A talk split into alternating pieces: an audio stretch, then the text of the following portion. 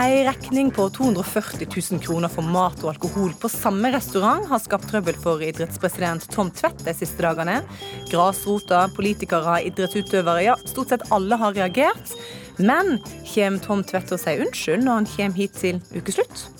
Unnskyld meg, vinen Tvedt og co. drakk er ikke så dyr, sier vinkjenner Ingvild Tenfjord. Hun mener vin hører med når en skal representere. Og når eh, mobbere ikke vil si unnskyld til ofrene sine og holder fram med plaginga, så bør de tvangsflyttes fra skolen, mener tidligere mobbeoffer. Vi kan ikke straffe barn for de voksne sitt problem, mener forfatter. Velkommen til NRK Ukeslutt her i P1 og P2. Jeg heter Sara Victoria Rygg. I denne sendinga skal vi altså prate en god del om det å si unnskyld. Først til ukas store snakkes, alkoholrekningene til Idrettsforbundet, som flere, blant de skiskytter Johannes Tingnes Bø, har reagert på. Ja, det er jo helt uh, utrolige summer. Uh, jeg blir nesten flau når jeg hører det. Og det får jeg virkelig håpe de òg blir. Uh, nå er folk rundt om i Norge som, som, står på dugnad og hjelper til i klubbene for at, for at det skal gå rundt, rett og slett. Og så får de disse barregningene på bordet. Det, ja, det er skammelig, syns jeg. I 2013 så sa Tom Tvedt alkohol og idrett hører ikke sammen. Punktum. Denne veka har idrettspresidenten måttet forklare mellom annet hvorfor representanter fra Norges idrettsforbund hadde restaurant- og barregninger på 240 000 kroner under London-OL i 2012. 100 000 kroner gikk til å betale for alkohol. Tom Tvedts, velkommen til ukeslutt, og velkommen tilbake til Norge. Du har vært i Praha på møter noen dager nå. Hva kom reiseregninga fra Praha-turen på? Ja, Min reiseregning som jeg ennå ikke har levert inn, kommer til å koste 428 kroner. Det er flytog og trikk. Og når det gjelder fly og hotell og mat, så er det betalt av arrangøren ANOK, som er organisasjonen for alle olympiske komiteer i verden. Så ingen dyre viner på menyen som idretten betaler? Overhodet ikke. Mange har reagert denne veka. Alt fra folk på gata, utøvere, grasrota i idretten. Idrettsministeren har reagert. Vil du si unnskyld for pengebruken? Ja, det jeg kan eh, si unnskyld eh, fordi at vi er kommet i den situasjonen vi har gjort. Og som jeg har sagt, det er mange dårlige eksempler som eh, er kommet opp her. Og jeg har stor forståelse for grasrot og folk i Norge på det som er kommet fram. Så sånn sett så sier jeg unnskyld på vegne av de fra 2015 hvor jeg har vært president. Og så er det òg ting her som jeg ikke har vært med på, men jeg har vært veldig opptatt av at jeg ønsker å endre og rydde opp i dette. Tomtvedt, vi skal prate videre, men først skal vi høre hva folk eh, flest tenker om de høye barregningene. Det er ren, skjær pampedømme sånn. Det, det, går ikke an. Hva tenker du om det? Jeg syns det er direkte uforskammet å bruke felles midler til bare å meske egen buk. Veldig dum bruk av penger. Fordi pengene kunne gått til videre satsing på idrett og på unge. Det er galt. Altså Idretten burde stå for noe helt annet enn den type alkoholforbruk. Hva tenker du? Ja, jeg skjønner ikke når faktisk idrett og alkohol ble synonymt. Det er jo helt utrolig. Skal du drikke alkohol, så er det bare å drikke vei, det. Men jeg syns jo kanskje du skal betale det selv. Det var nettopp det toppene i Norges idrettsforbund ikke gjorde. Norges idrettsforbunds åpning av reiseregninger på bilagsnivå har bl.a. vist at de betalte over 100 000 kroner for alkohol på samme restaurant under London-OL i 2012. En som reagerer på idrettstoppenes pengebruk og alkoholkonsum, er tidligere verdensmester i friidrett, Ingrid Kristiansen. Men dette greier du, Ingrid! Ingrid har 30 meter igjen av sin 10 000 meter, og Ingrid blir verdensmester om fem meter og er inne der!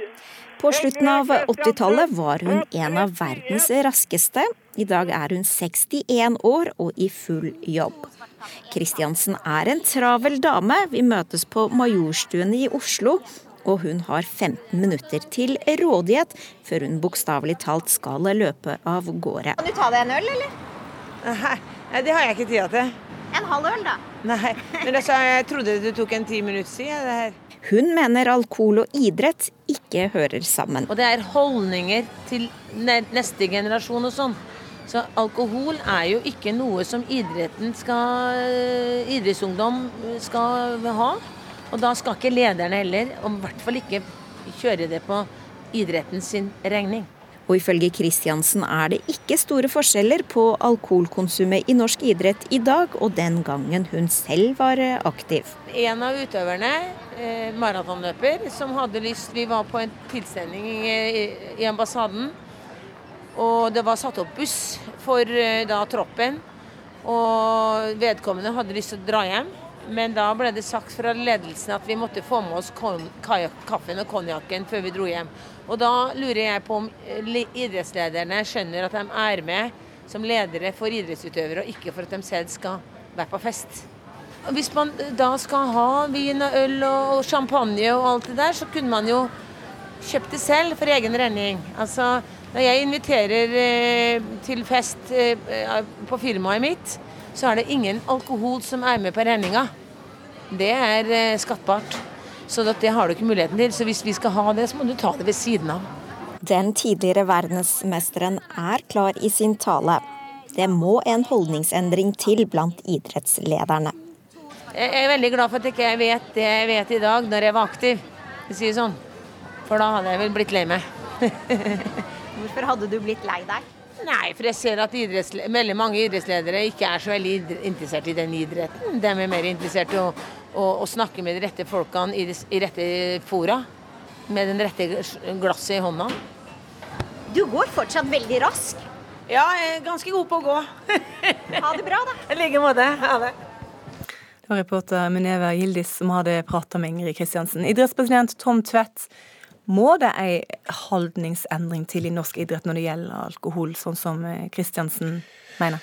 Ja, jeg mener jo at eh, en holdningsendring òg i idretten Vi jobber for disse verdiene. I denne debatten som nå er kommet opp, eh, så har jo disse eh, både representasjonsmiddagene som vi har hatt, det har jo ikke skjedd i tilknytning til selve idrettsarrangementet. Dette har jo vært representasjoner. Og så må jeg si at hele norsk idrett med 2,2 millioner medlemmer, vi er plikta til å jobbe etter våre verdier. Og vi skal jobbe hver eneste dag for at det er minst mulig mulig alkohol og rus i idrettsorganisasjonen. Men da er det sikkert mange som tenker sånn, hvorfor er det sånn at idrettstopper som reiser av gårde på f.eks. da OL i, i London, skal absolutt drikke for 100 000 kroner på restaurant?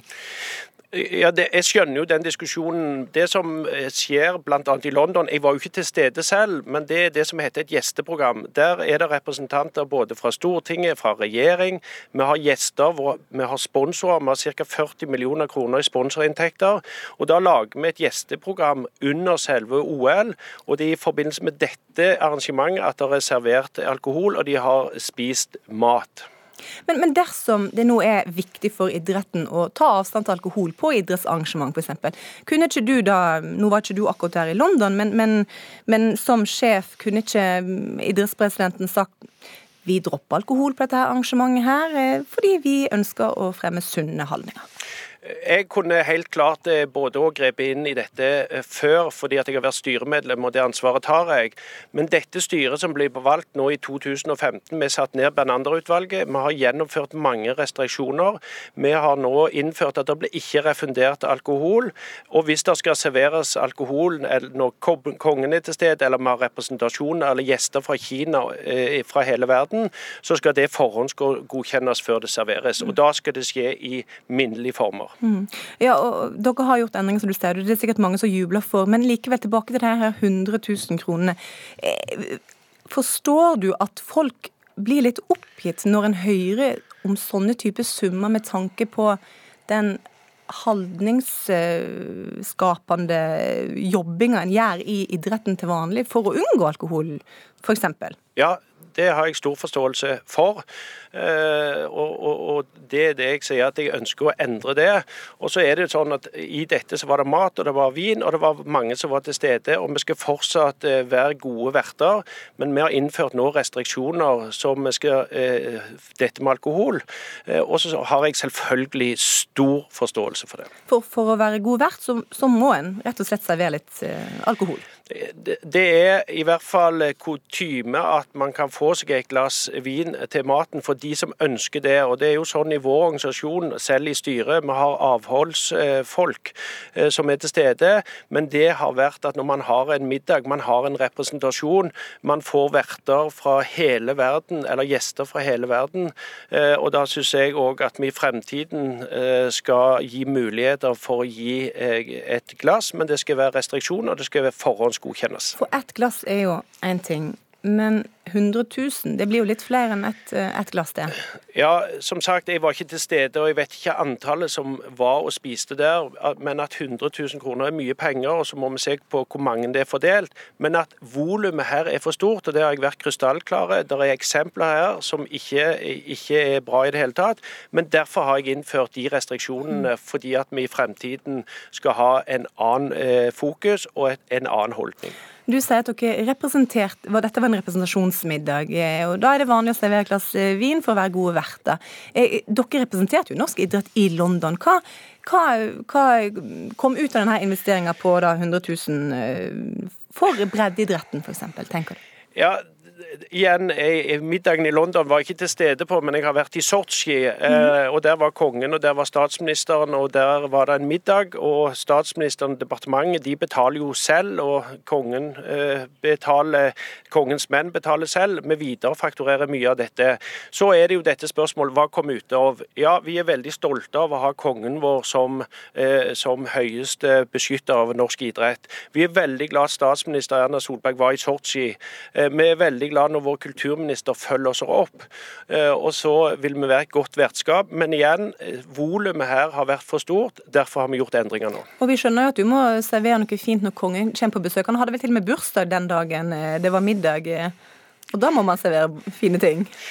Ja, altså, kongen, eh, kongen, eh, skal, eh, som alle andre, få muligheten til å få et glass vin. Og det å være vertskap på det, men det er jo formene og volumet på dette som vi nå har stramt inn på. Og det er òg noe med å være vertskap når de, våre sponsorer, det gjelder andre som er med. Og så ser vi at volumet her, og ikke minst må vi huske på at vi er den eneste organisasjonen i verden som både representerer olympisk, paralympisk, special Olympics og er for utviklingshemma. Eh, og dermed så blir det mer representasjon enn i Sverige f.eks. Der har de fire forskjellige organisasjoner. Du har endra regelverket nå, men likevel så grep du jo inn og godkjente en, regning på alkohol som, var, som en hadde drukket på et eh, arrangement eh, på en middag. Hvorfor gjorde du det? Ja, For det første så er dette ansvaret lagt til eh, generalsekretæren. Som eh, dere kjenner til, så var vi i en eh, situasjon der tidligere generalsekretær hadde, har slutta.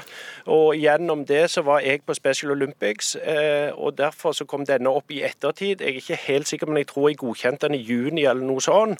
Men Hvorfor gjorde du det når du allerede har sagt at her skulle det være forhåndsgodkjennelse for kjøp av alkohol? Fordi at jeg trodde på det tidspunktet, og det var gitt en forhåndsgodkjennelse på det. Eh, og til stede der var det òg regjeringsmedlemmer, det var stortingsrepresentanter. Vi hadde gjester, og jeg valgte å gjøre det og signere slik at den medarbeideren som på sin eh, personlige konto hadde betalt for dette, det gjorde jeg i ettertid.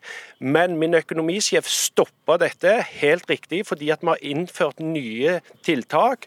og Derfor så gjorde jeg det med det særskilte grunnlaget. Så Det betyr igjen de systemene vi har innført nå, de virker utmerket. Og økonomisjefen i dette tilfellet gjorde det helt rett. Så vi får ingen sånne type reiseregninger med, med, med regninger på den type summer framover? Det som eh, jeg, Der er vel aldri noen som kan gi garanti. Jeg har bare sagt at fra nå av så ligger alle mine reiseregninger har ligget ute fra 2015 så lenge jeg har vært president. Nå har dere fått innsikt i mine reiseregninger fra 2012. Eh, det vi har sagt er at tredjepart har full rett til å gå inn og se på det man måtte ha. Eh, og Det er det som er de endringene vi har gjort. Vi skal være en åpen folkebevegelse i Norge, og da tar, tar det litt tid å endre dette. Men det er det styrer etter i dag. En åpen eh, folkebevegelse med, med fokus på sunne holdninger, kan det være aktuelt for deg nå som idrettspresident framover å si På denne middagen folkens, så dropper vi vinen, og så tar vi Farris i glasset. Ja, det har vi òg gjort. Eh, Bl.a. på ungdoms-OL, når det var barn og ungdom til stede. Eh, og rent personlig så skal du ikke se vekk fra at vi skal gjøre det. Jeg tror jo denne debatten òg er viktig, ikke bare for eh, norsk idrett, men jeg tror jo det er mange organisasjoner og bedrifter og medier som nå får iallfall en runde på diskusjon. For norsk idrett er jo ikke alene. Som, vi får jo overskuddet fra norsk, norsk, norsk Tipping.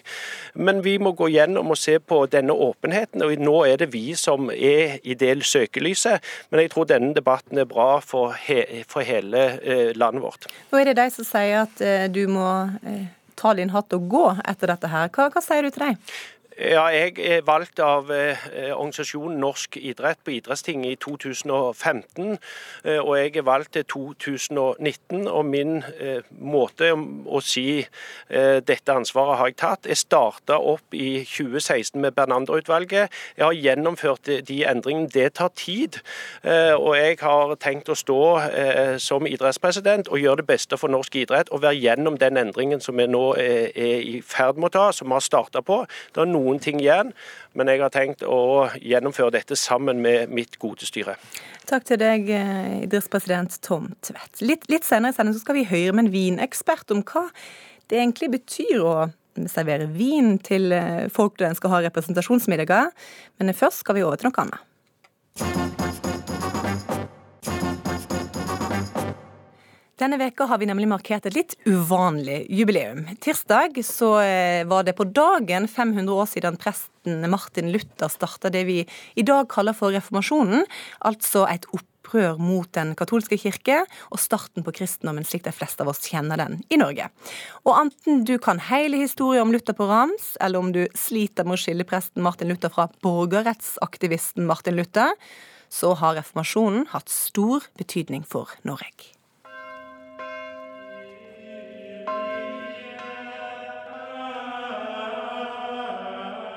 Hvis vi legger inn et par forutsetninger, så kan vi se for oss en situasjon der Norge fremdeles er katolsk.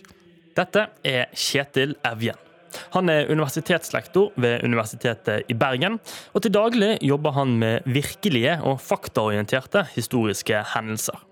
Men i dag skal han være med på et eh, lite tankeeksperiment og skrive historien om hvordan Norge ville sett ut hvis vi for 500 år siden aldri hadde blitt reformert.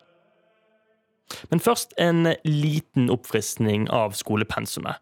For hva var denne reformasjonen igjen?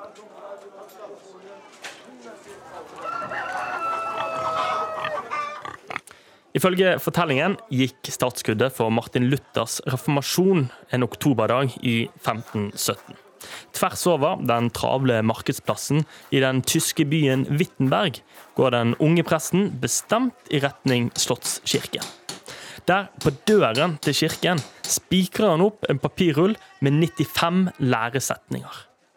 Men var det egentlig det som skjedde? Så sannsynligvis så var det mye mindre dramatisk. Han sendte det sannsynligvis i posten til et par eh, andre professorer og biskoper ved universitetet i Wittenberg.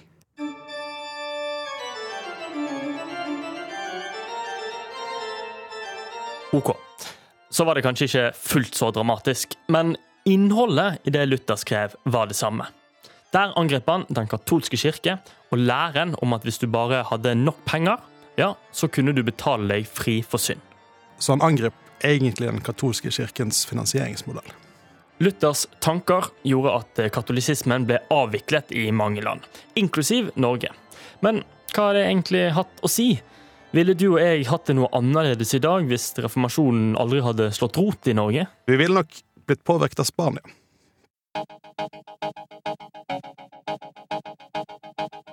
Ja, du hørte riktig. Det mest sannsynlige scenarioet er nemlig at Karl 5., som da var konge av Spania, hadde kommet oss til utsetning. Og da hadde ikke Norge vært påvirket av tysk og dansk kultur, men spansk. Nei, Det ville nok påvirket både kosthold og uh, væremåte. Så ville jo man, man fått litt sånn her uh, flott spansk arkitektur. Eh, så Nidarosdomen ville nok vært, om, en, om mulig, enda flottere i et katolsk Norge. Hvis jeg griper til noen bøker jeg selv har skrevet. I en villa i Oslo leter arkitekt Peter Butenschøn etter en bok om norske byer. Som 20-åring valgte han selv å bli katolikk. Eh, du får mer eh, muligheten for å uttrykke deg estetisk og følelsesmessig. Eh, det blir ikke så innmari saklig og nøkternt alt sammen. Som arkitekt er han enig i lektor Evjens spådom om at byene ville sett annerledes ut hadde Norge forblitt katolsk. Han tror f.eks. at vi i større grad hadde lært å bruke torg og åpne plasser på en mer sosial måte. Altså Nordmenn elsker å være der ute. På, altså er, vi har noen tall som viser hvor mange kaféstoler vi har fått i norske byer. Det er voldsomt, altså det er tidobling bare på 20 år. eller noe sånt. Det er ikke fordi folk er blitt mer tørste eller mer sultne, men fordi de har lyst til å spise sammen med andre ute på torget og være del av et offentlig rom.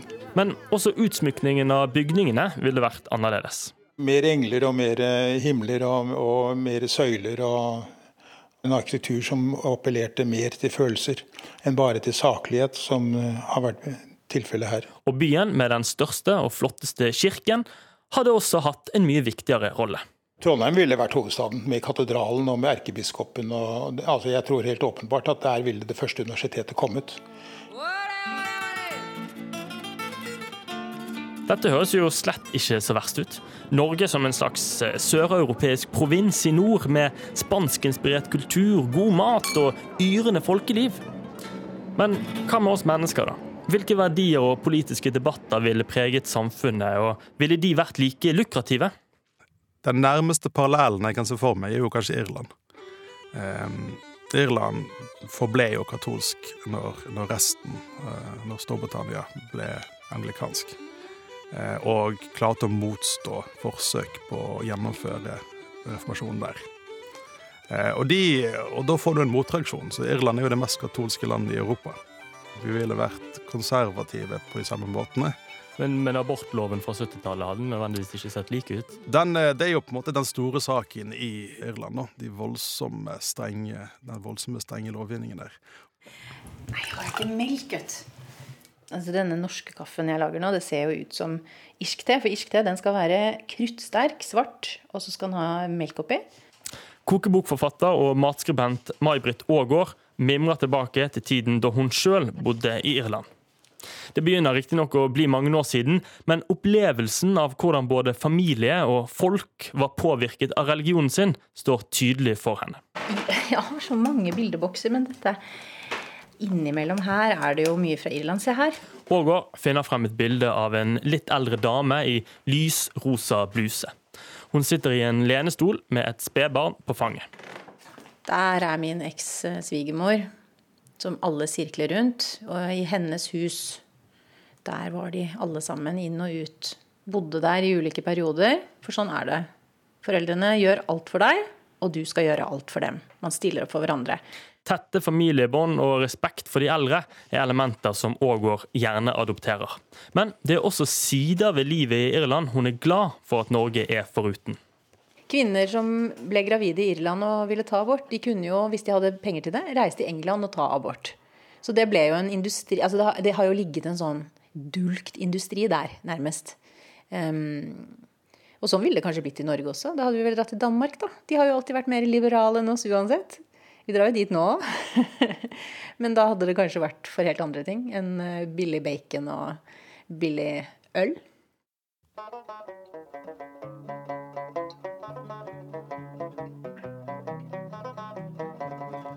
Katolsk eller luthersk, irsk eller spansk. Vi kan fantasere om hvordan Norge ville sett ut som et katolsk land, men det er og forblir spekulasjoner. Og noen ting ville kanskje uansett blitt som før. Janteloven den står sterkt i Irland også. Du skal ikke tro du er noe, altså. Du skal være ydmyk eh, og jobbe hardt. Og så får heller andre vurdere om, om det er verdt ros og skryt og, og en medalje. Det var reporter Jarand Ree Mikkelsen som hadde laga denne reportasjen her. Vi skal tilbake til eh, alkohol og regninger og den slags, vi. For det har vært prata masse om vin denne veka. Og på framsiden av VG sin, eh, sitt sportsbilag i går så kunne vi se et stort bilde av en rødvinsflaske med prislappen 1795 kroner. Kanskje litt dyrere enn det de fleste åpner til Lerderskosen. Og det var nok mange som reagerte på denne prisen her. Vinkjenner Ingvild Vedå Tenfjord, Hva sier du til prisen? Jeg skjønner godt at folk reagerer, for de fleste nordmenn liker ikke å bruke mer enn 150 kroner på en flaske vin. sånn at når prislappen viser 1795, så virker det mye. Men dette er en rødvin som er kjøpt på restaurant. De tar gjerne tre eller fire ganger på pris. Sånn at egentlig så er ikke dette spesielt dyrt. Og hvis man skal ut og spise en enkel middag, så må en ut med en god del eh, hvis en skal ha en flaske vin. Hvis du skal drikke vin på restaurant, så koster det. Eh, til sammenligning så kan vi si Jeg sjekket hva den billigste vinflasken på Egon-restaurantene koster. Eh, og jeg tror vi alle vil være enige om at det ikke er en spesielt fasjonabelt sted å spise. Men den billigste vinen du kan få som du faktisk vet hvor kommer fra, den koster 398 på Egon. Sånn at sammenlignet med det, så er ikke 1007 vanvittig groteskt dyrt. Tom Tvedt snakker om, eh, om, dette her med å representere ved en middag, være en god vert. Da må man servere litt alkohol. Hva, hva, tenker du om det? I vår del av verden så er mat og vin tett forbundet sammen. Jeg sier ikke at man alltid skal drikke alkohol, men jeg sier at jeg har veldig forståelse for at noen serverer et glass vin til en middag. Jeg synes eh, det er greit. Dette er jo veldig dype røtter vi har. Altså, tenk Bibelen skriver masse om vin, og når Jesus sitter der på skjærtorsdag og bryter brødet, så sier han 'dette er min kropp', og så sier han om vinen 'dette er mitt blod'. Og dette har jo vært med å legge et fundament for kirken, og dermed sikre at, at vin er på en måte et sakrament i vår del av verden, og at kirken også har, har bidratt til vinmaking i tusenvis av år. Det er jo vi ganske glad for i dag. Takk for det, alle munkene. men, men, det med at man sitter der rundt et bord, og så bestiller man en flaske Må det da være en dyr flaske for at man skal virke litt sånn storkar, eller, eller kan man det må jo ikke være det. Du kan jo ta de med på Egon og betale den vinflasken til 398, men jeg tror de hadde det hyggeligere på den restauranten i Roma. Mhm. Jeg tror det. Så, så det, må, det, må, det, er litt sånn makt i en, i en, flott flaske? Ja, Men den er ikke spesielt flott. Den er egentlig grei. Mm. Eh, men hva handler dette om? Dette handler om relasjon. Og jeg tror at alle som jobber med forretninger, innser det at når møtet er slutt, så får du en annen kontakt i det du spiser sammen. Måltidet er en sentral del av vårt samfunn, og også vin. Mm. Men, men, det er jo de som reagerer, for de tenker Selv om du sier at dette her er ikke den dyreste flasken de kunne ha, ha servert, så handler det jo om dette her med at det er idrettens penger de drikker eh, for. Kunne ikke de da tenkt sånn, vet du hva, siden det er mange som står rundt der og selger eh, vafler, eh, jobber for grasrota, så tar vi jo er litt sånn spartanske når vi serverer. Jeg tror alle skal være enige om at de har et problem med sin åpenhetskultur, og at mengden barregninger har blitt for stor. Men jeg tenker likevel, når det drøyeste VG klarer å finne opp i denne flasken til 1795, så synes jeg ikke egentlig vi kan beskrive det som et pampevelde. Eh, så er spørsmålet skal alle som driver med idrett, ikke drikke alkohol per definisjon? Det kan jo noen synes, jeg er uenig i det. Men jeg forstår alle de foreldrene som har stått der på dugnad time etter time. Eh, det er ikke pent å se den store barregningen. En annen ting hadde jo vært om vi sa at alle voksne mennesker kan betale for sine egne drinker på nachspiel, og så kan de heller unne seg den flaske rødvin til middagen, da. Mm. Venstrepolitiker Abid Raja han, han tvitra denne uka her om denne saken og sa det at lurer på hvor mange glass en skal drikke av en vinflaske til da 1750 eller noe sånt, før en ikke klarer å skille den fra en, eh, en flaske på 175 f.eks. Hva, hva er svaret? Raja, jeg skal ta deg med ut. Det er det jeg sier. Vet du, Det er en utbredt myte om at folk som ikke kan noe om vin, ikke kan gjenkjenne kvalitet. Det er tull og tøys. I går kveld var jeg i Bergen og skjenket en vin fra 1975 til 170 mennesker på vinkurs, og jeg kan si det var ikke en kjeft som hadde problemer med å gjenkjenne den kvaliteten. Takk til deg, Ingvild Tenfjord. Du hører på Ukeslutt her i NRK P1 og P2, og godt er det, for straks så skal du få høre at stadig vekk så må vi beklage, sånn som idrettspresidenten her gjorde, både for stort og smått. Men er det nok å si unnskyld, og så er alt glemt? Jeg ville aldri ansatt en leier som hadde måttet beklage noe offentlig, sier hodejeger. Og OL i Telemark, ja da, det er ideen som ble lansert denne veka. Alt er mulig her på Rjukan. Vi sier jo det bestandig. Perfekt, sier OL-entusiast Halvard Flatland. Nei, nei, nei, sier kommentator som mener Norge ikke må kaste vekk penger på OL-søknader.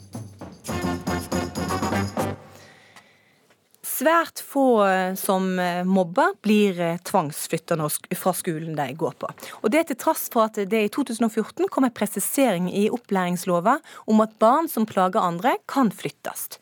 Denne veka så fortalte Norges første mobbeombud Bodil Haug til NRK at hun i løpet av de fem åra hun har hatt jobben, bare ved ett høve har vært med på at en mobber er blitt tvangsflytta fra skolen pga. oppførselen sin.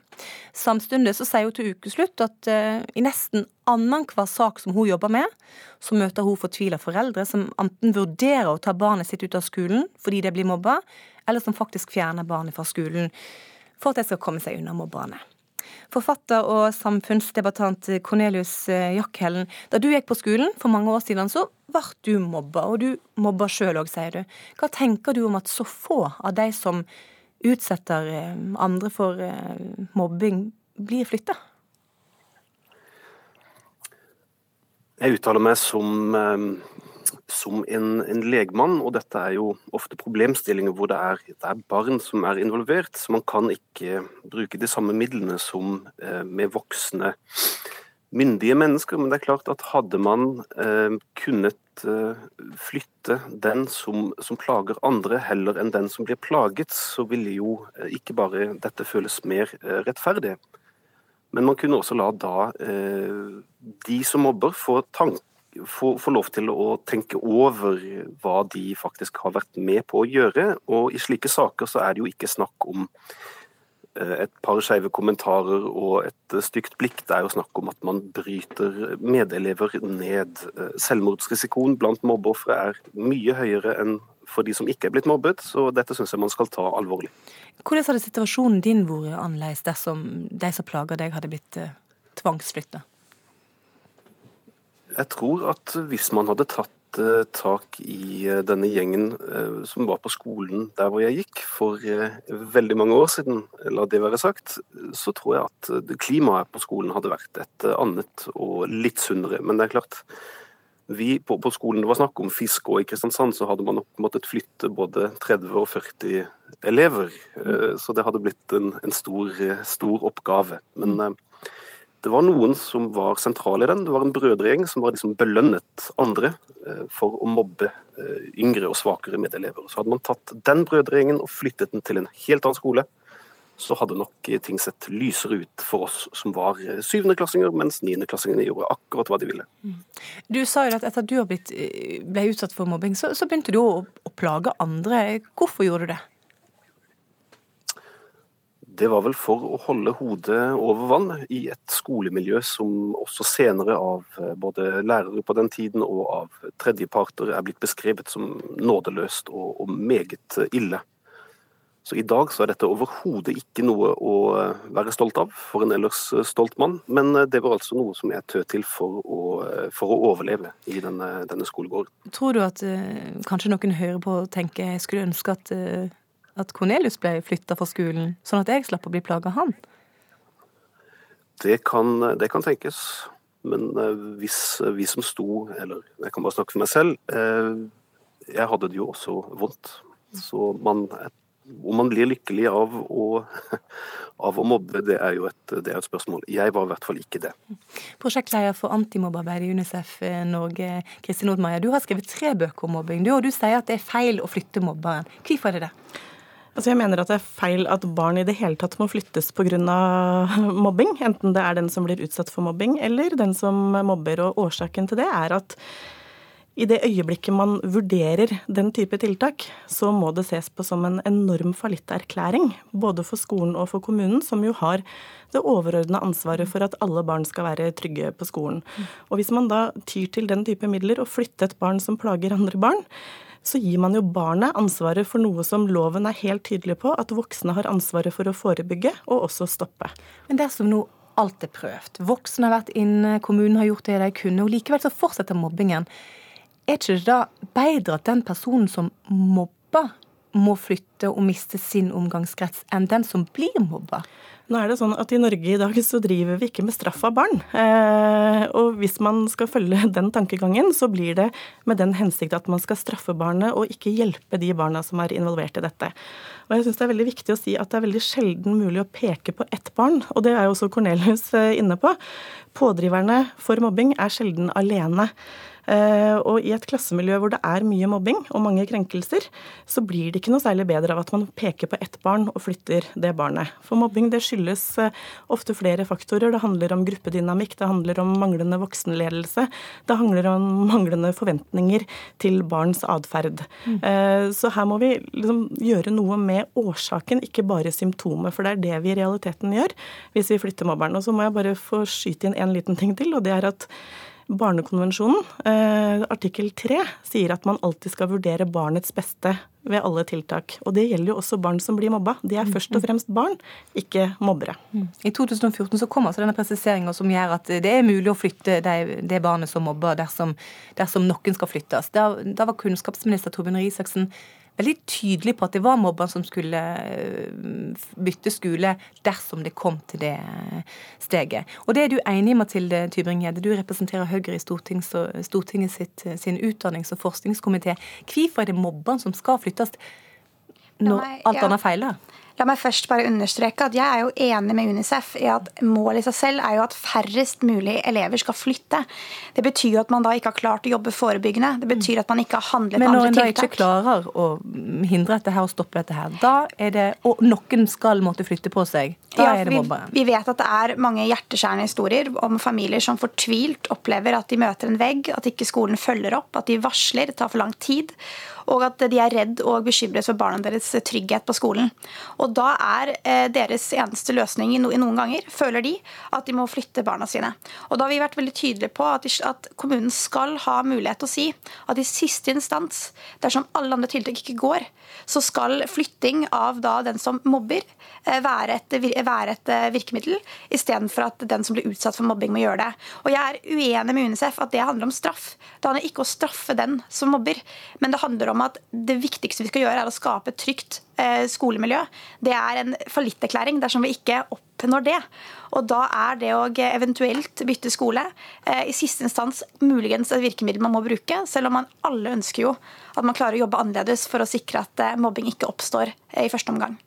Men jeg syns det er bekymringsfullt at det nettopp er kommunen som har det overordnede ansvaret, som da skal vurdere når en sak er så umulig og et barn er så vanskelig at ikke de kan håndtere det lenger, og med det flytte det. Jeg tror ikke at det skjer ofte at barn med letthet blir eh, flytta. Eh, men det er allikevel alvorlig at kommunen som er satt til å oppfylle opplæringsloven, også skal være den som tar disse store avgjørelsene på barns vegne. For det kan føre til et helt uforholdsmessig inngrep i et barns liv. Og Cornelius var også inne på det. Atferd er et språk. Når barn mobber, så er det pga. faktorer i barnet og rundt barnet. Det er et uttrykk for noe eh, som de trenger hjelp til å håndtere. Og man hjelper ikke et barn ved å flytte det på den måten. Men nå er jo forholdsmessighet en del av det lovverket vi har. Det sier jo nettopp at det ved særlige tilfeller skal gjøres en avveining dersom hensynet til andre medelever tilsier det. Og det er kun ved vedvarende mobbing eller krenkelser eh, hvor dette skal være i siste instans en mulighet. Og det mener jeg er noe man bør ha anledning til, nettopp fordi vi må se på den situasjonen som er i skolen. Nemlig at veldig mange foreldre eh, og mange barn eh, som er utsatt for mobbing, til slutt ender opp med å bytte skole dem selv. Og jeg mener det er hjerteskjærende. Jeg mener det er urimelig, og vi bør ha et lovverk som gjør det i hvert fall mulig eh, å kunne vurdere en annen løsning på slike utfordringer. Og så er jeg helt enig i at mobbing det er komplekst. Det handler veldig ofte om gruppedynamikk. Det er ikke bare snakk om å bytte skolemiljø, og så ordner alt seg. Eh, men det er jo nettopp derfor noe av det viktigste vi gjør, er jo kompetanseheving blant de som jobber med barn, eh, og da forebygging i skolen. Men dette her bør være en mulighet til siste instans, og det er urimelig at det for ofte er den som blir utsatt for mobbing, som dessverre må bytte skolemiljø. Cornelius Jakkelen, er det sånn at eh, man er litt sånn for forsiktig her med å, om å si til barn at du har ansvar for det du gjør, og det, mobber du, så må du ta straffa di? Dette er jo, som debattantene påpeker, så er flytting av en elev da er, det, da er det jo på et eh, så høyt og alvorlig nivå at eh, det er snakk om kanskje om et, eh, et menneskes liv. Altså, I 2013 var det vel, så tok eh, Odin Osen Andersgaard sitt eget liv. Etter å ha blitt flyttet, eh, i hvert fall da han hadde vært elev på to, to skoler. Og det å flytte var antagelig for han hva vet jeg, en, en, følelse for, av straff. Så jeg tenker vi har egentlig ingen å miste. Så heller flytte på den som plager andre, enn, å, enn å sanksjonere eh, den som allerede er blitt eh, mobbet og plaget. Så akkurat for alle UNICEFs og Odenmeyers gode intensjoner, det er klart at juridisk sett så er det de voksne som, er, som har ansvaret, rektor, kommune osv., men når det kommer til hvem som ligger på ryggen i skolegården, mm. så tenker jeg ta heller mobberen enn den som blir mobbet. Takk til deg, Cornelius Jakkelen, Mathilde Tybring-Gjedde og Kristin Odenmeier. Vi skal over til et helt annet tema.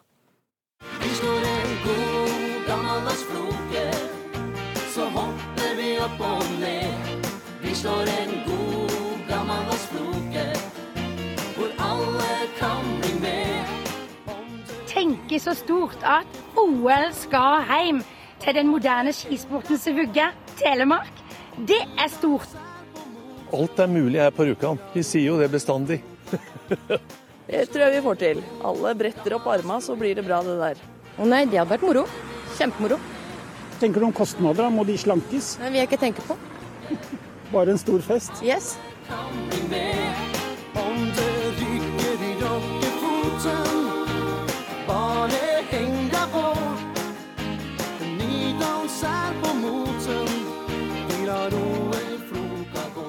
OL-feberen herjer igjen i kongeriket Norge, eller i alle fall hos Nokre. For tirsdag denne veka så lanserte Telemark seg sjøl som kandidat til å rangere OL. Vi starter ved Gaustatoppen, der sjølve OL-lanseringa var tirsdag denne veka. Og der sitter du på hytta di og ser utover Halvard Flatland, kjent programleder, leier NRK sine OL-sendinger fra Lillehammer, og i denne sammenhengen så er du telemarking. Ja. hvordan ser du for deg dette her blir? Nei, akkurat nå sitter jeg og ser bort på Gaustatoppen. Her eh, var det jo planlagt at eh, VM-utformen skulle gå i 1940. Da skulle jo det meste av mesterskapet gå i Oslo, men den alpine, alpine delen skulle gå på Rjukan. Og den utforløypa har en høydeforskjell på 1100 meter. Det er uten sidestykke den tøffeste løypa i verden. Og I tillegg har skisporten blitt lansert gjennom Sondre Norheim i Telemark. Vi har blitt en del av verdensarven. Det må være det mest naturlige stedet i verden å arrangere et OL. Det er så vakkert i Telemark at det, det, det er det du tenker på òg. Jeg mister nesten pusten bare av å sitte og se opp på Gaustatoppen. Jan Arild Snoen, kommentator i Nettavisen Minerva. Vi hører at Flatland er jo nesten litt rørt når han sitter og ser ut. Du blir ikke litt begeistra for OL når du hører denne entusiasmen, da? Nei. Jeg syns det er ganske, ganske, tynt å bygge OL-konsept på at det er pen utsikt og, og Sondre Norheim, altså. Og det er omtrent det som er innholdet i dette konseptet, så vidt jeg skjønner. Hva er det som er så gale med Telemark? Problemet er jo at det er ganske dårlig med anlegg der. Det er infrastruktur som ikke er endt for dette, så det må investeres veldig mye både i anlegg og infrastruktur. og Derfor så er dette et enda dårligere forslag enn eh, det som var for noen år siden om å ha OL i Oslo. Ja, For du er ikke begeistra for søknaden heller, eh, rett og slett? Nei, vi får nå se hva som kommer her. men jeg, det ble kastet bort flere hundre millioner kroner på OL-søknaden i Oslo, og det er ikke noe grunn til å ta den runden en gang til. Hva sier du til dette her, eh, Halvard Flatland? Nei, Snoen er en oppegående mann, så han vet hva han snakker om. Men noen ganger så skal man la drømmene leve. Man skal ikke ta livet av initiativet som kommer fra grasrota. Så jeg syns at vi må skille mellom to debatter. Det ene er vil vi ha OL i Norge? Og hvis vi vil ha OL i Norge, hvor skal det være? Og jeg tror, bare for å ha et lite innspill, det er ganske viktig at vi tar OL hjem til Europa. Nå skal det gå i Sør-Korea, så er det i Kina. Vi er veldig glad i langrenn i Norge, men det bryr resten av verden seg veldig lite om. Og enda mindre hvis vi ikke klarer å lage et OL der langrenn og folkelivet, ikke minst folkelivet som vi vet vi kan skape i Norge, det så vi på Lillehammer, vi så det under sykkel-VM i Bergen nå. Det er det som trengs for å skape et skikkelig OL. Arne Hjeltnes, programleder i La drømmen leve, sier han. Hva, hva sier du? Du er begeistra for OL? Jeg er veldig for OL. Jeg mm. mener at det er klart vi som stor eh, vintersportsnasjon må arrangere det. Jeg var for, til og med for OL i Tromsø. Jeg, var for, jeg er for OL i Telemark. Du satt i styret for eh, Ski-VM ski-VM. var en ja. kjempesuksess. Mm. Gikk med overskudd. Det var 600 000 mennesker som, som så premieutdelingene i Oslo sentrum. Jeg var for OL i Oslo. Jeg er for den der eh, i, i vesle sporen til idé om OL til Voss og Bergen. Men eh, jeg tror òg at det er slik at vi som nasjon vil ha OL. Jeg tror nordmenn vil ha OL. Det var jo flertall for OL til og med folkeavstemning i Oslo. Vi vil ha et OL. Og så blir vi av og til litt sånn offer for vår egen patriotisme når en skal finne ut hvor det skal være. For da er det sånn at sant, de som ikke fikk OL til Tromsø, de mener at eh, krangling. Ja. telemarkingene skal iallfall ikke ha det. Og så vil altså Oslo-folk Nei, det er siste sort. De skal iallfall ikke få OL. Så jeg tror at vi må bestemme oss, eh, som Halvard sier, vi må ha et OL til Norge. Så må vi bestemme hvor det skal være. Og da må vi være storsinna og dele på godene og være med og jobbe alle sammen. Og så må vi velge én plass å ha det som alle nordmenn støtter. Yes, noe, hvis vi i det minste klarer å bli enige om en plass å ha det, kan du da være litt mer begeistra for tanken? Absolutt ikke.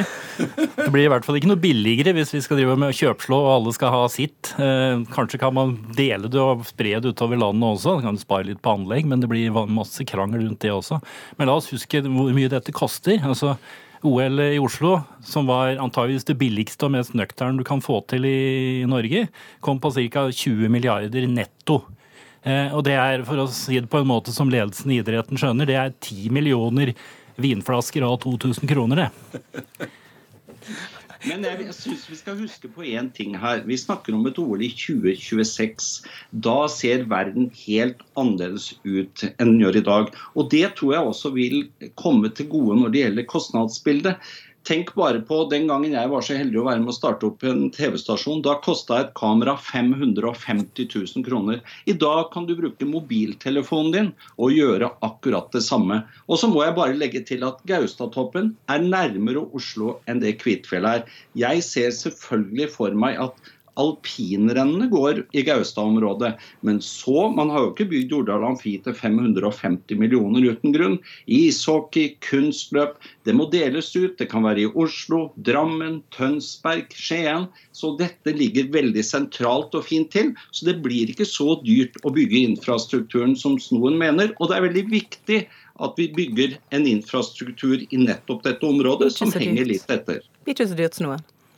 Det, det, det er klart du sparer litt hvis du sprer utover, så sparer du litt for noen ko- koordineringsutgifter. Men, men det, altså, jeg skjønner jo at, at Flatland vil ha mer infrastruktur i det området, for han har jo næringsinteresser i, det også. Det er, dette er rett og slett subsidier for det norske folk til Halvard Flatland. Det syns jeg er ikke, ikke dumt å Jeg er helt vite. feil med å arrestere deg på det. Jeg er telemarking og brenner for Telemark og heier på Odd.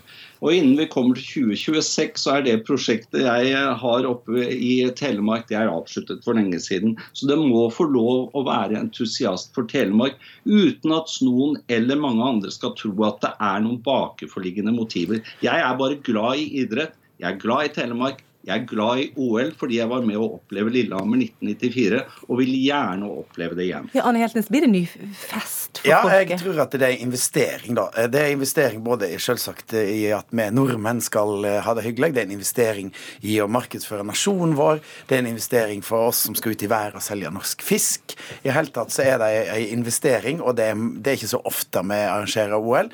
Så en gang sånn hvert 30-40 januar så må idrettsnasjonen Norge være vertskap for vinterleikene. Det er klart det. Det er en god investering i folkehelse og godt humør. Men da må vi bli enige om hvor vi skal ha det. da. Ja, det er problemet. Hvor- hvor- hvor- Hvordan skal vi klare å bli enige om er et godt kompromissforslag i dag, Det syns jeg. et, et, et ja.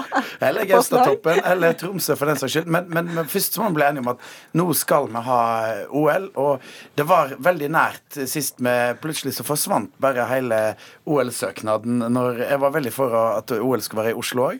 Men vi må liksom bli enige om det, og så må vi glemme den der lokaliseringsgenet som stopper så mye her i landet. Kommer vi til å klare dette her så noen blir enige om dette, eller blir det bare et OL? Eh, Jeg tror ikke det blir noe, jeg håper det ikke blir noe, for dette er altfor dyrt. Eh, Det er mye bedre hvis det skulle være sånn at det er ingen demokratiske vestlige land som vil arrangere. Ok, da får vi slutte med vinter-OL og så får vi arrangere VM. Det fungerer aldeles utmerket, det vet Hjeltnes også. Ja, VM må vi ha. Det må vi òg ha. Jeg stopper dere før det blir enda mer krangle. Takk til deg, Halvard Flatland, til deg, Arne Hjeltnes og Jan Arild Snoe.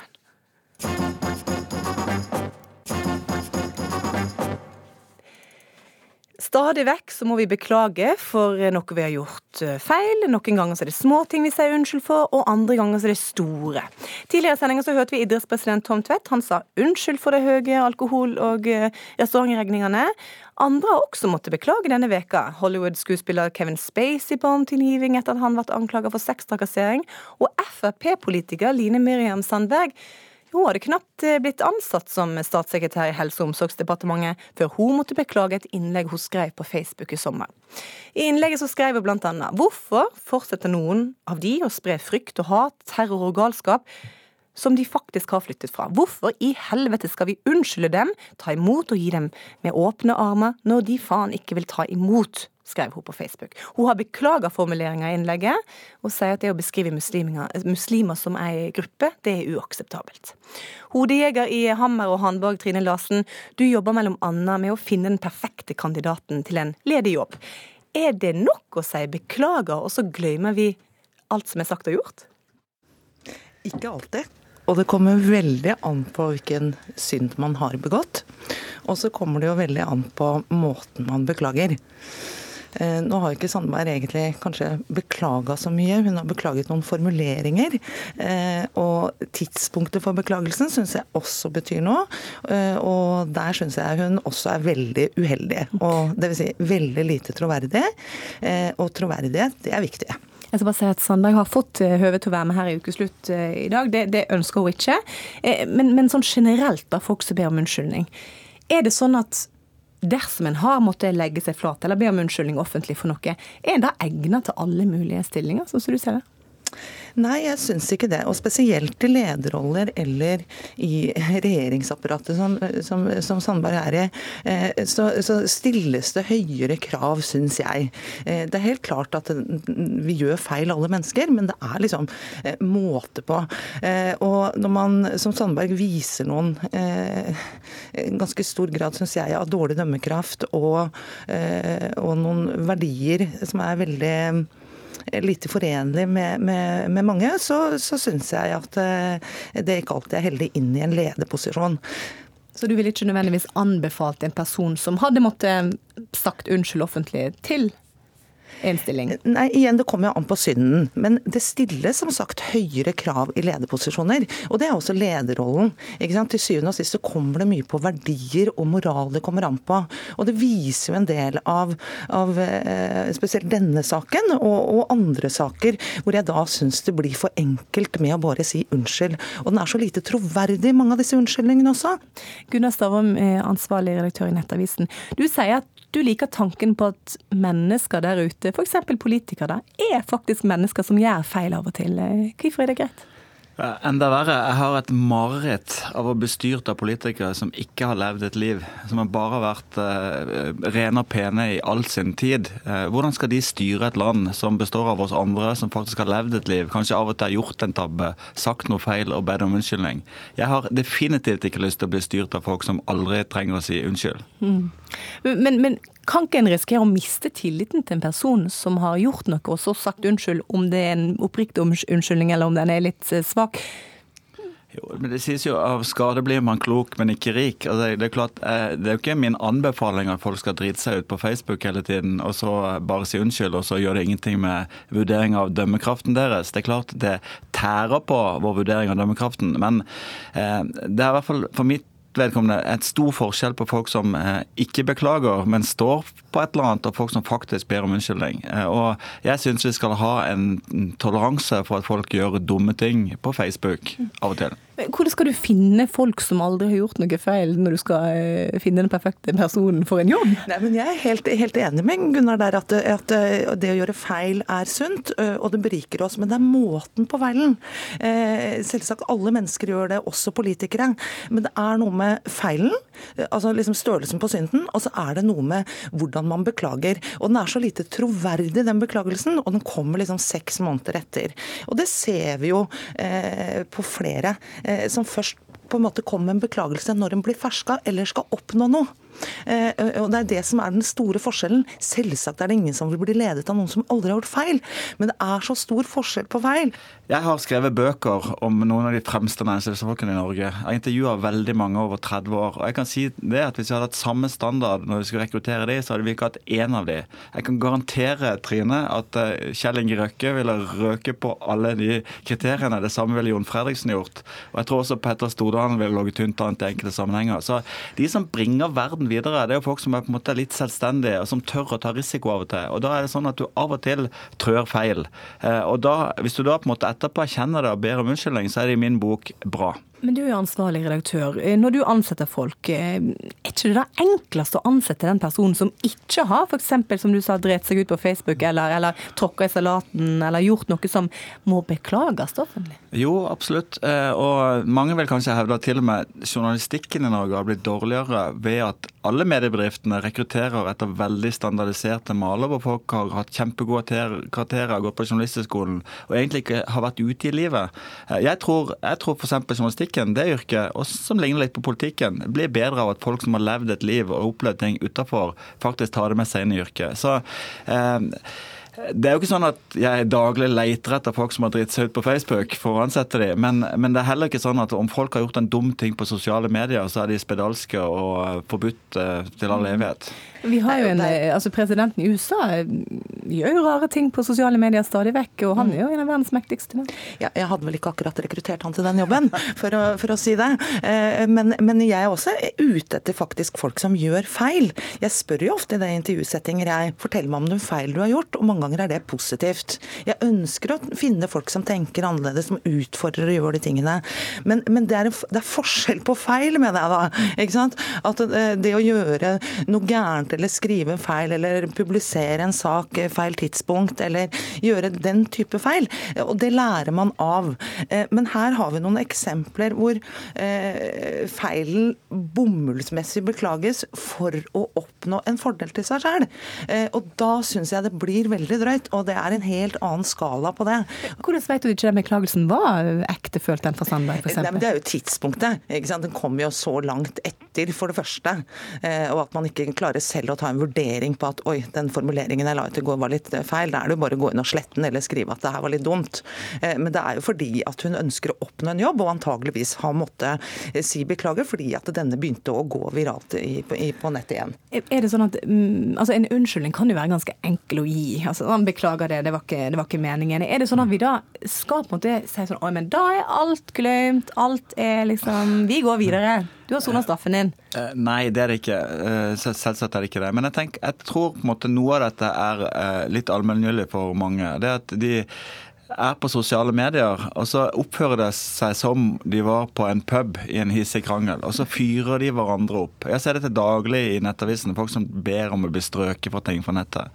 Så glemmer de at det de sier, det er ikke ting som blir sagt der og da og glemt, det er faktisk ting som til evig tid eh, står offentlig. Og selv om de går inn og sletter det, så kan du være sikker på at en eller annen person har tatt en kopi av det og sirkulerer det på nytt. Sånn at det å få en, en allmenn nettbevissthet i at det du skriver, helst bør tåle tåle å stå på forsiden av nettavisene for Taminavis, eh, det, det, er en klok ting. Men, men, det er ikke alle som er der. Helt klart. Mm. Det bør man nok ha en mer bevisst forhold til. Og der ser man jo også litt sånn på generasjoner, og det er vel kanskje 40 pluss som er eh, verst i klassen, vil jeg tro. 25 minus også, hvis jeg tar det. vi har alle noe å lære av hva vi skriver på sosiale medier. Så takk til deg, Gunnar Stavrum, ansvarlig redaktør i Nettavisen, og hodejeger i Hammer. Hammer og Hanborg, Trine Larsen. Og da er det på tide med et værvarsel. Terje Alsvik Valle. Det er det. Det er jo en del paraplyer sikkert rundt omkring i landet denne lørdagen, men også sol. Særlig her på Østlandet, og også en del av Finnmark har sol for øyeblikket. Men i kveld så vil regn bre seg nordover fra Sørlandet til Østlandet. Og dette regnet vil prege søndagen på Østlandet, men senere på søndagen, særlig med ettermiddag, så vil det lettere vær sørfra her. På Sørlandet blir det lettere vær allerede fra i morgen tidlig av, så her blir det en del sol utover eh, morgendagen. Og i Telemark så kommer solen frem i morgen ettermiddag. Vestlandet sør for Stad får i morgen skiftende skydekke og regnbyger, og nordvestlig opp til kuling på kysten, særlig fra i morgen ettermiddag av. Og snøgrensen synker ned mot 500 meter i morgen kveld. I Møre og Romsdal og Trøndelag stort sett skyet og regnbyger i morgen på søndag. Det blir generelt rolig vind, men om kvelden nordvestlig opp til liten kuling på kysten. I Nordland for det meste skyet og enkelte byger i morgen i form av enkelte regnbyger, men mer sammenhengende regn som kommer inn særlig på Helgeland i morgen ettermiddag. Og I Troms og Finnmark og på Spitsberget blir det stort sett eh, oppholdsvær i morgen på søndag, og ganske pent ved mange steder i Finnmark. Temperaturen over ett-tiden var i Tromsø pluss tre grader. Trondheim har fem grader. I Bergen og ved Kristiansand-Kjevik ni grader. Og her eh, i Oslo så er det nå sju grader pluss. Aller varmeste landet nå ved ett-tiden var det i Tafjord i Møre og Romsdal. Da var det hele 13 grader.